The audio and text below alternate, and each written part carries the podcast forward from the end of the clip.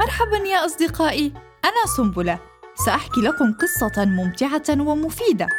عنوانها طارق تلميذ مميز.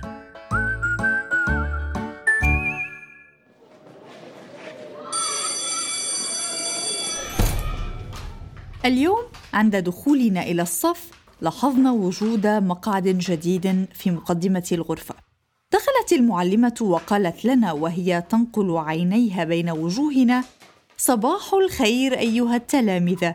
اليوم سيزورنا تلميذ جديد اسمه طارق. إنه تلميذ مميز ولكن له طرقه الخاصة للتعلم. أحسست بمسؤولية كبيرة تجاه هذا التلميذ الجديد على الرغم من أنني لم أفهم سبب كل هذا الاهتمام به. طارق يدخل إلى الصف مع معلمته الخاصة التي ترافقه طوال الوقت قالت معلمتي لنا رحبوا بطارق فهو سيشارك في حصص اللغة العربية وحصص الحساب والرسم والرياضه البدنية طوال هذه السنة ولديه حصص خاصة به منها لتقويم النطق والعلاج النفسي الحركي. لم يتفوه التلميذ الجديد بكلمة واحدة، بل إنه لم ينظر إلينا. كان طارق ينظر متفحصا الغرفة وسقفها وشبابيكها. طلبت مرافقته منه أن يحيينا، فقال: صباح الخير. كان يتكلم كأنه إنسان آلي قلت في نفسي هذا الولد غريب جدا أكيد هو إنسان آلي وكانت معلمتي تتكلم معه بطريقة جدا هادئة وتلفظ الكلمات بطريقة بطيئة وواضحة وقالت له اجلس هنا يا طارق هذا هو المقعد المخصص لك. توجه التلميذ الجديد إلى مقعده وجلست بقربه مرافقته وبدأ الصف. كنت أراقب طارق طيلة الوقت كما كان التلامذه الآخرون يراقبونه أيضا. كانت مرافقته تساعده في بعض أسئلة القواعد العربية كما كانت تفسر له بعدة طرق نص القراءة. أما معلمتي فكانت تتفحص عمله وتهنئه قائلة عافاك كم أنت شاطر يا طارق وخطك واضح جدا. لم ينظر إليها التلميذ الجديد. بل أكمل عمله من دون أي ردة فعل منه. في بعض الأحيان كان يلعب بالأقلام الموجودة أمامه فيصفها بطريقة هندسية ثم يبعثرها بيديه ثم يصفها من جديد.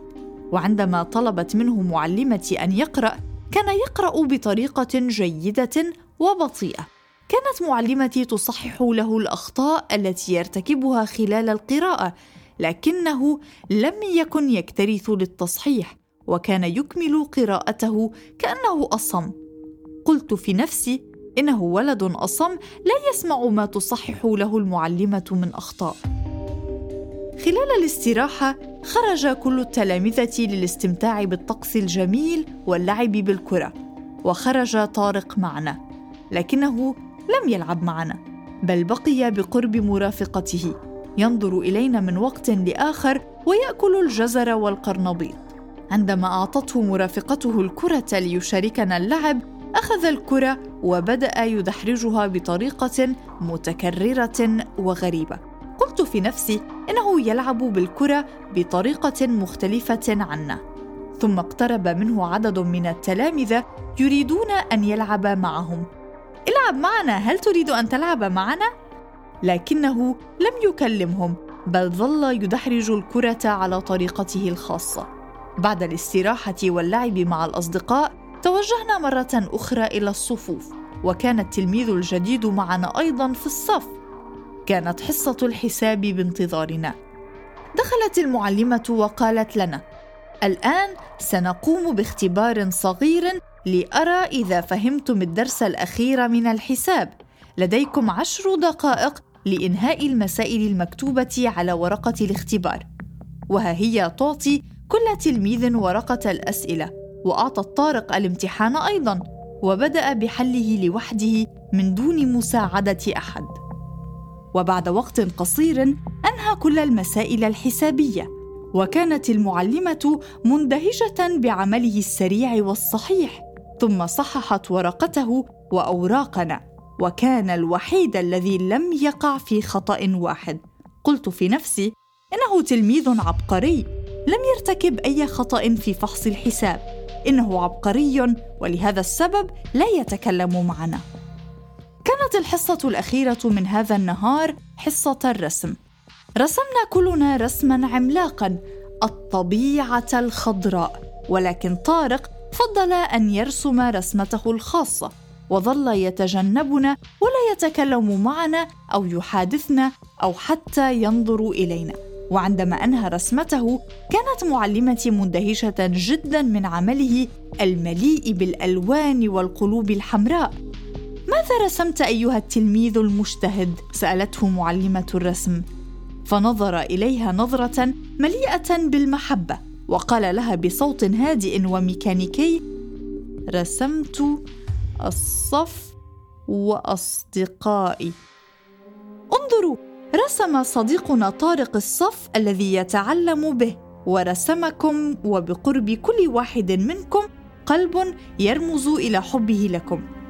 وقلت في نفسي إنه فنان يرسم بطريقة جميلة جدا ويحبنا كلنا في الصف من دون أن يعبر عن حبه بصوت عال بل بالرسوم والألوان. في اليوم التالي وقبل وصول التلميذ الجديد طارق إلى الصف طلبت منا معلمتنا رأينا به فقالت تلامذة عنه. إنه لا يتكلم معنا هل هو شخص أبكم؟ لماذا لا يتكلم أو يلعب معنا؟ لما لا يحادثنا؟ لماذا لا يتكلم كثيرا؟ لا يلعب معنا. لا يسمعنا هل هو أصم؟ وغيرها وغيرها من الأسئلة والتعليقات. فقالت لنا المعلمة مفسرة لنا رفيقكم الجديد هو ولد مثلكم لديه أب وأم وإخوة وأخوات ولديه بيت يعيش تحت سقفه وهو يسمع ويرى ويتكلم ويشعر ويحب ويأكل هو طفل مثلكم لكن الاختلاف الوحيد بينكم وبينه هو أنه ولد مصاب بالتوحد. سكتت المعلمة وفتحت أمامها كتابا ضخما وقرأت منه. التوحد هو حالة يصاب بها الأطفال الصغار وتظهر بعد عمر سنة ونصف سنة تقريبا. أسباب هذه الحالة عديدة وغير مؤكدة والمهم معرفته هو أن الطفل المصاب بالتوحد هو طفل يحب ويشعر ويلعب بطريقته الخاصة ويحب الاهتمام به كأي طفل آخر.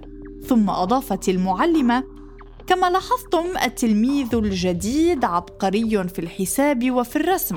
بعض الأطفال المتوحدين لديهم قدرة خارقة في الموسيقى أو الرسم أو الحساب وغيرها من المهارات.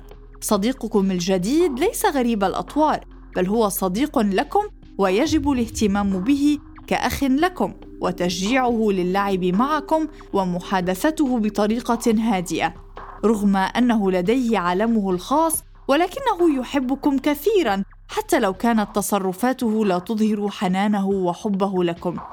نظرت المعلمة إلينا مبتسمة فطلبت منها الإذن بالكلام وقلت اذا الطفل المصاب بالتوحد هو طفل كباقي الأطفال. يحب أن يلعب وأن يتسلى مع أصدقائه كما إنه يستطيع أن يتابع دراسته وأن يكون متفوقا في بعض المجالات. ونحن كتلامذة يجب أن نشجعه على الدراسة وأن نهتم به ونلعب معه بالطريقة المناسبة له. هزت المعلمة رأسها موافقة على كل كلمة قلتها.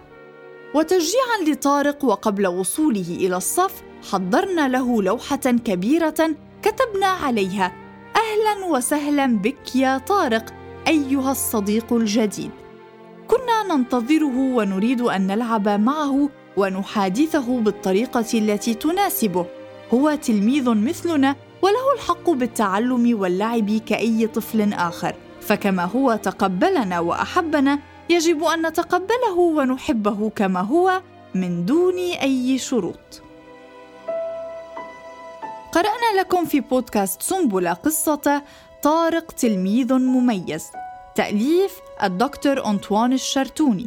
صادرة عن دار النديم للطباعة والنشر.